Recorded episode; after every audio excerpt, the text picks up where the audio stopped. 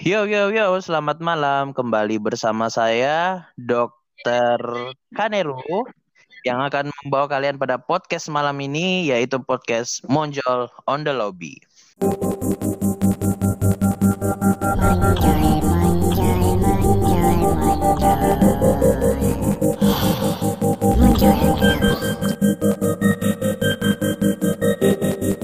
Ya, selamat malam untuk seluruh kaula muda yang mendengarkan podcast ini. Uh, jadi hari ini kita bakal berbicara hal-hal seputar Jepangan gitu. Jepangan dengan budayanya yang begitu luas, dengan monster bukan monster ya, ceplosan gua. Pokoknya budaya-budaya Jepang lah istilahnya. Nah, di sini kita punya dua narasumber, narasumber yang tidak kalah dari orang-orang penting dunia ya. Yang pertama kita punya Bapak Haji Gintoki. Malam Bapak Haji Gintoki. Malam, malam. Nah, malam jadi eh, Bapak Haji Gintoki ini adalah ketua Perhimpunan Wibu Arab. Waduh, gila juga. Ini Wibu Arab, gimana maksudnya ini Wibu Arab ini? Sebenarnya pas bikin perhimpunan tuh asal pilih nama sih. Oh, banyak orang Arabnya? Hmm, siap, siap kalau gitu. Oh sedikit, uh, tapi tetap ya namanya wibu. Dokter, mungkin dokter uh, wibu Haji tapi hidung mancung semua adalah, kali ya. Penuh jenggot ya. Maaf, maaf. ya? Maaf, saya nggak dokter ya. Kebetulan, kebetulan oh, bukan dokter. saya seperti itu sih kan. Oh, saya kira dokter karena uh, ya begitulah mengobati tawa saya. Jadi uh, uh, jadi Bapak Haji Gintoki aja ya, saya panggil ya. Siap.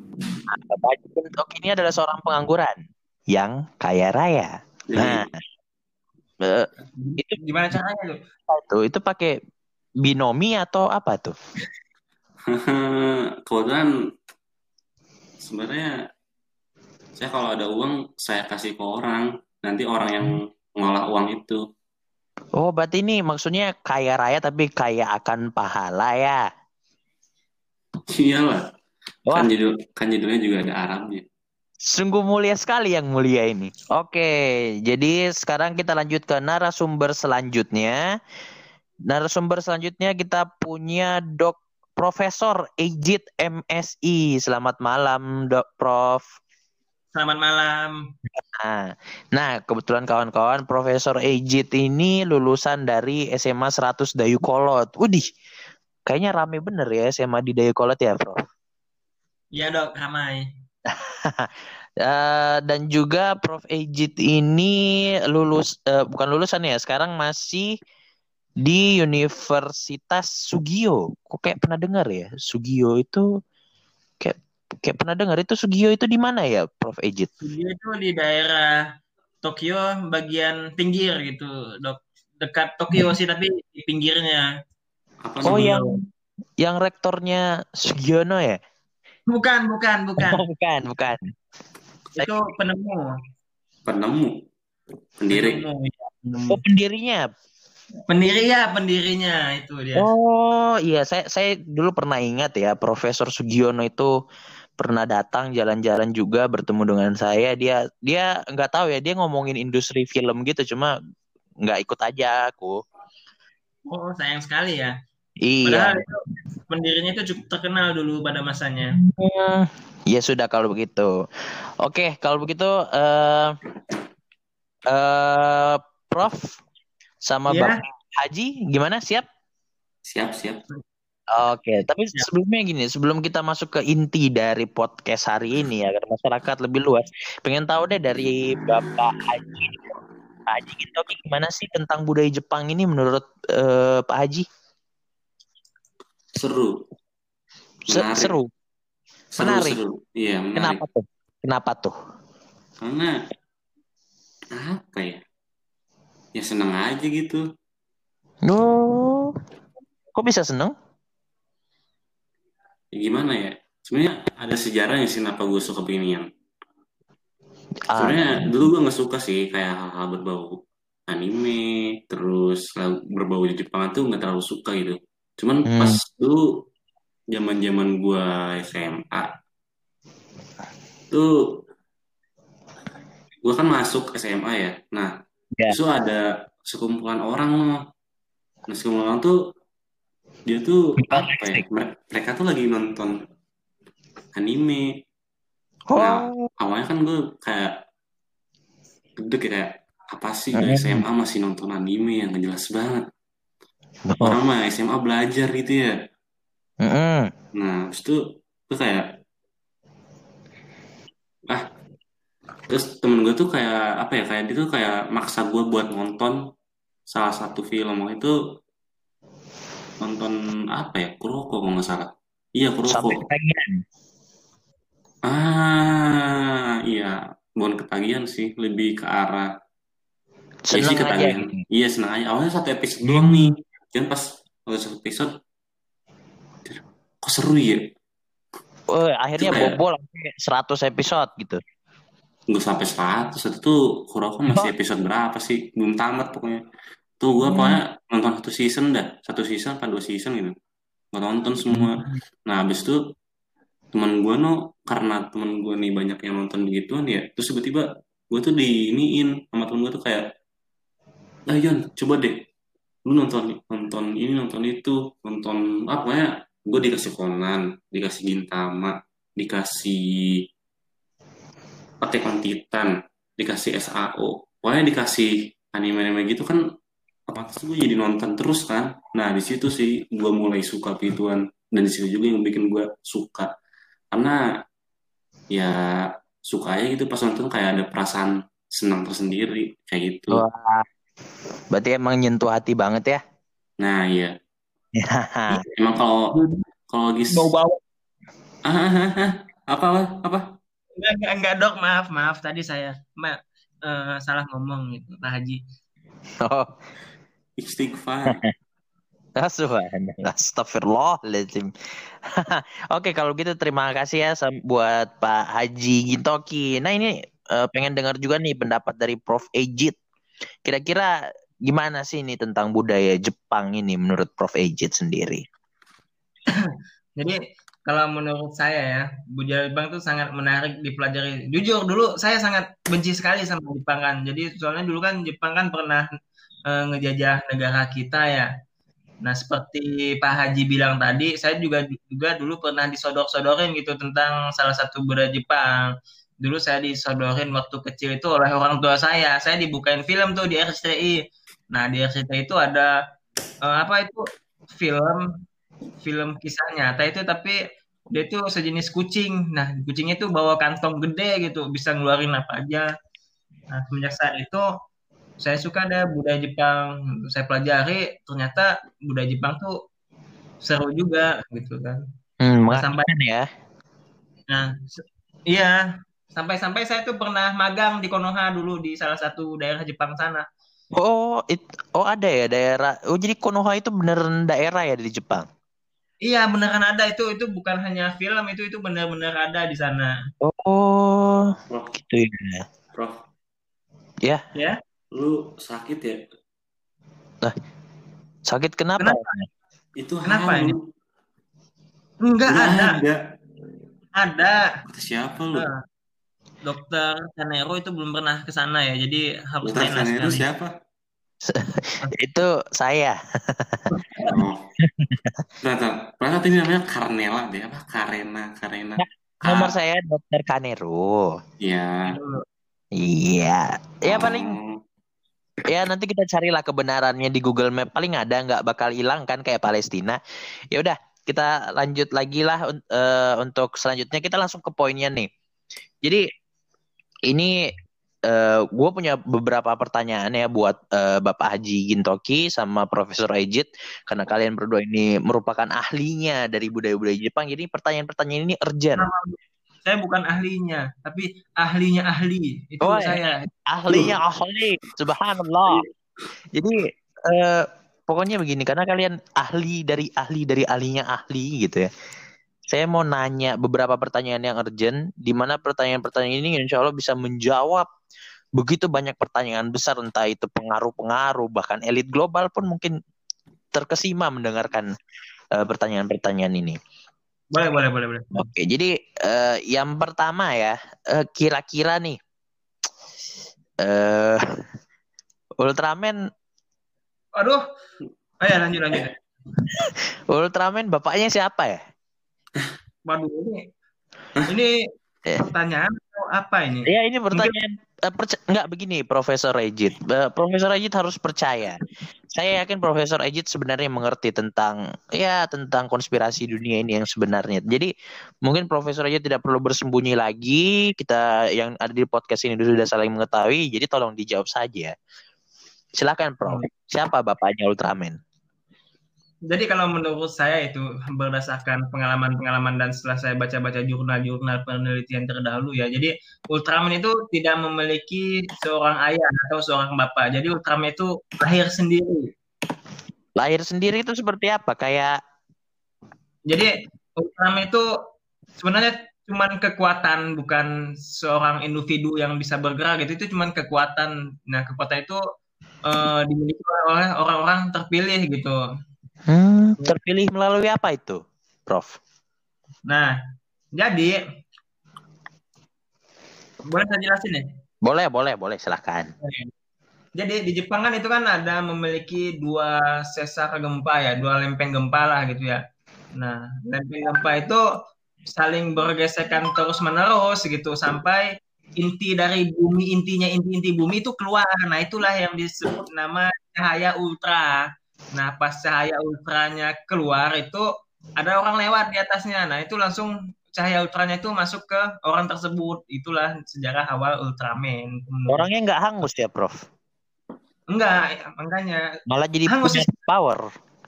Iya, iya, benar. Hmm, Power, power supply gitu. Oke deh kalau begitu. Kalau gitu eh, ini pengen nanya nih untuk eh, apa Bapak Haji Gintoki deh.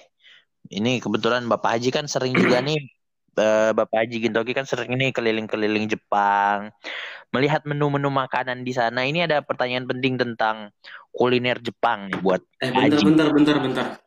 Kenapa Pak Haji? Gue mau nyangga nih. Nyangka kenapa Pak Haji? Nyangga omongan profesor tadi. Yang tadi mana tuh tuh? si si profesor profesor siapa sih namanya? Profesor Ejit. Nah iya profesor Egit.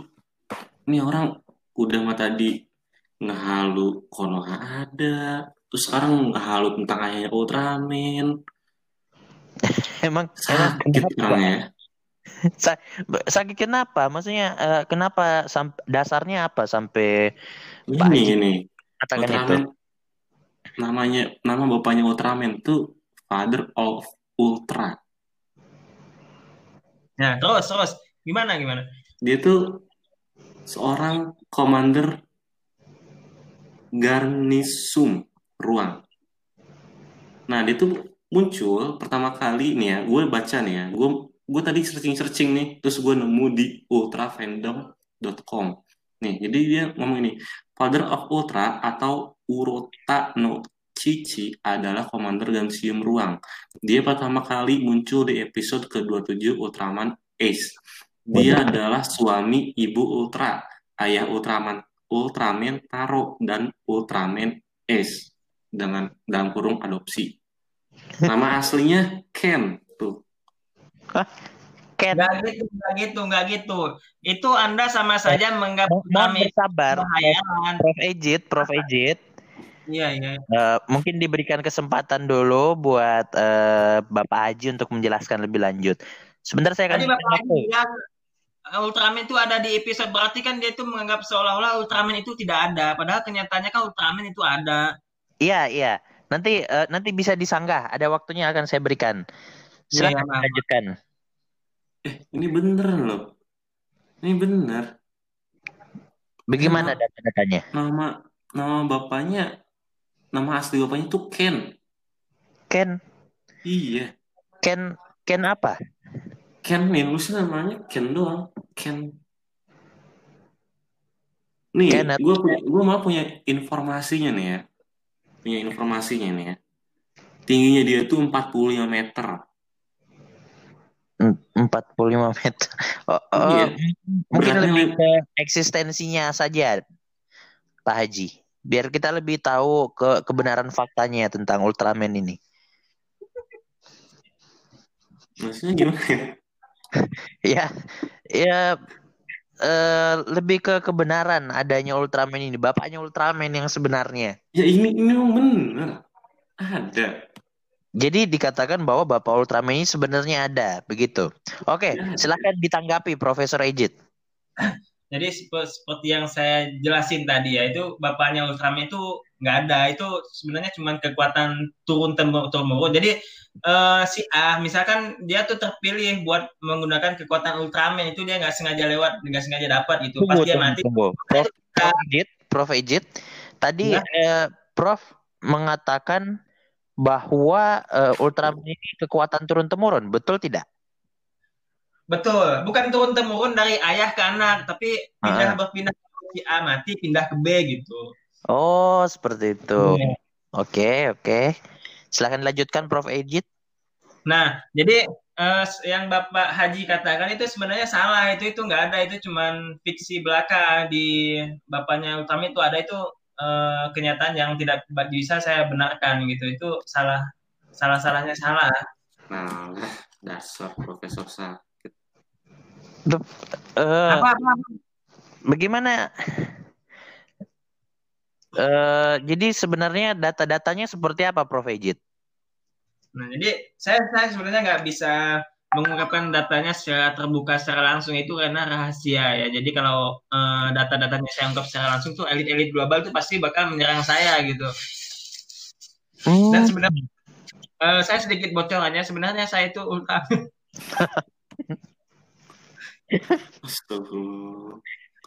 uh, Prof Ejit sebenarnya Ultraman.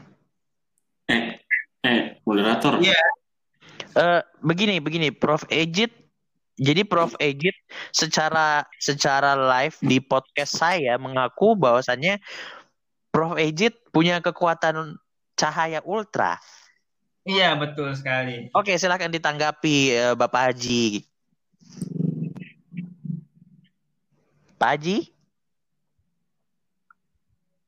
Uh, Pak Haji? Nah kan, itu dia salah berarti pakai DC. Nah azab kan uh, Pak Haji itu bapak. Silakan ditanggapi.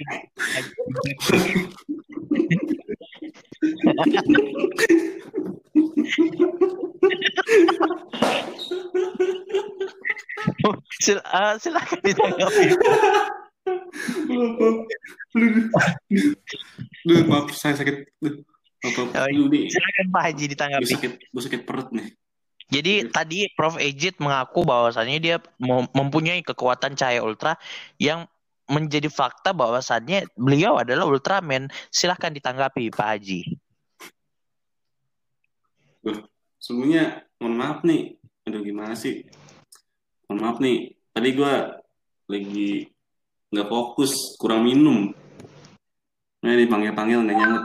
Akhirnya yang dipanggil si profesor Oke, tadi Profesor ngomong apa? Tadi Profesor bicara bahwasannya beliau punya kekuatan cahaya ultra. Otomatis beliau e, memberi pernyataan bahwa bahwasannya beliau merupakan Ultraman. Bagaimana tanggapannya Pak Haji Gintoki?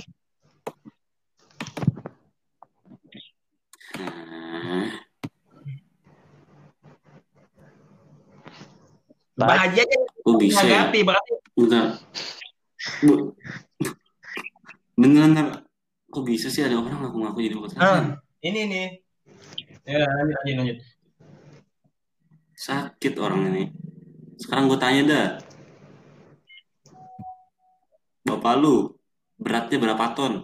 Nah, tadi kan udah saya bilang bapak saya bapaknya Ultraman itu nggak ada, itu cuma kekuatan yang pindah-pindah. Nah, ini ada. Nggak ada. Ada. Uh, mo mohon uh, untuk kedua narasumber uh, ini bukan tempat untuk berdebat ya.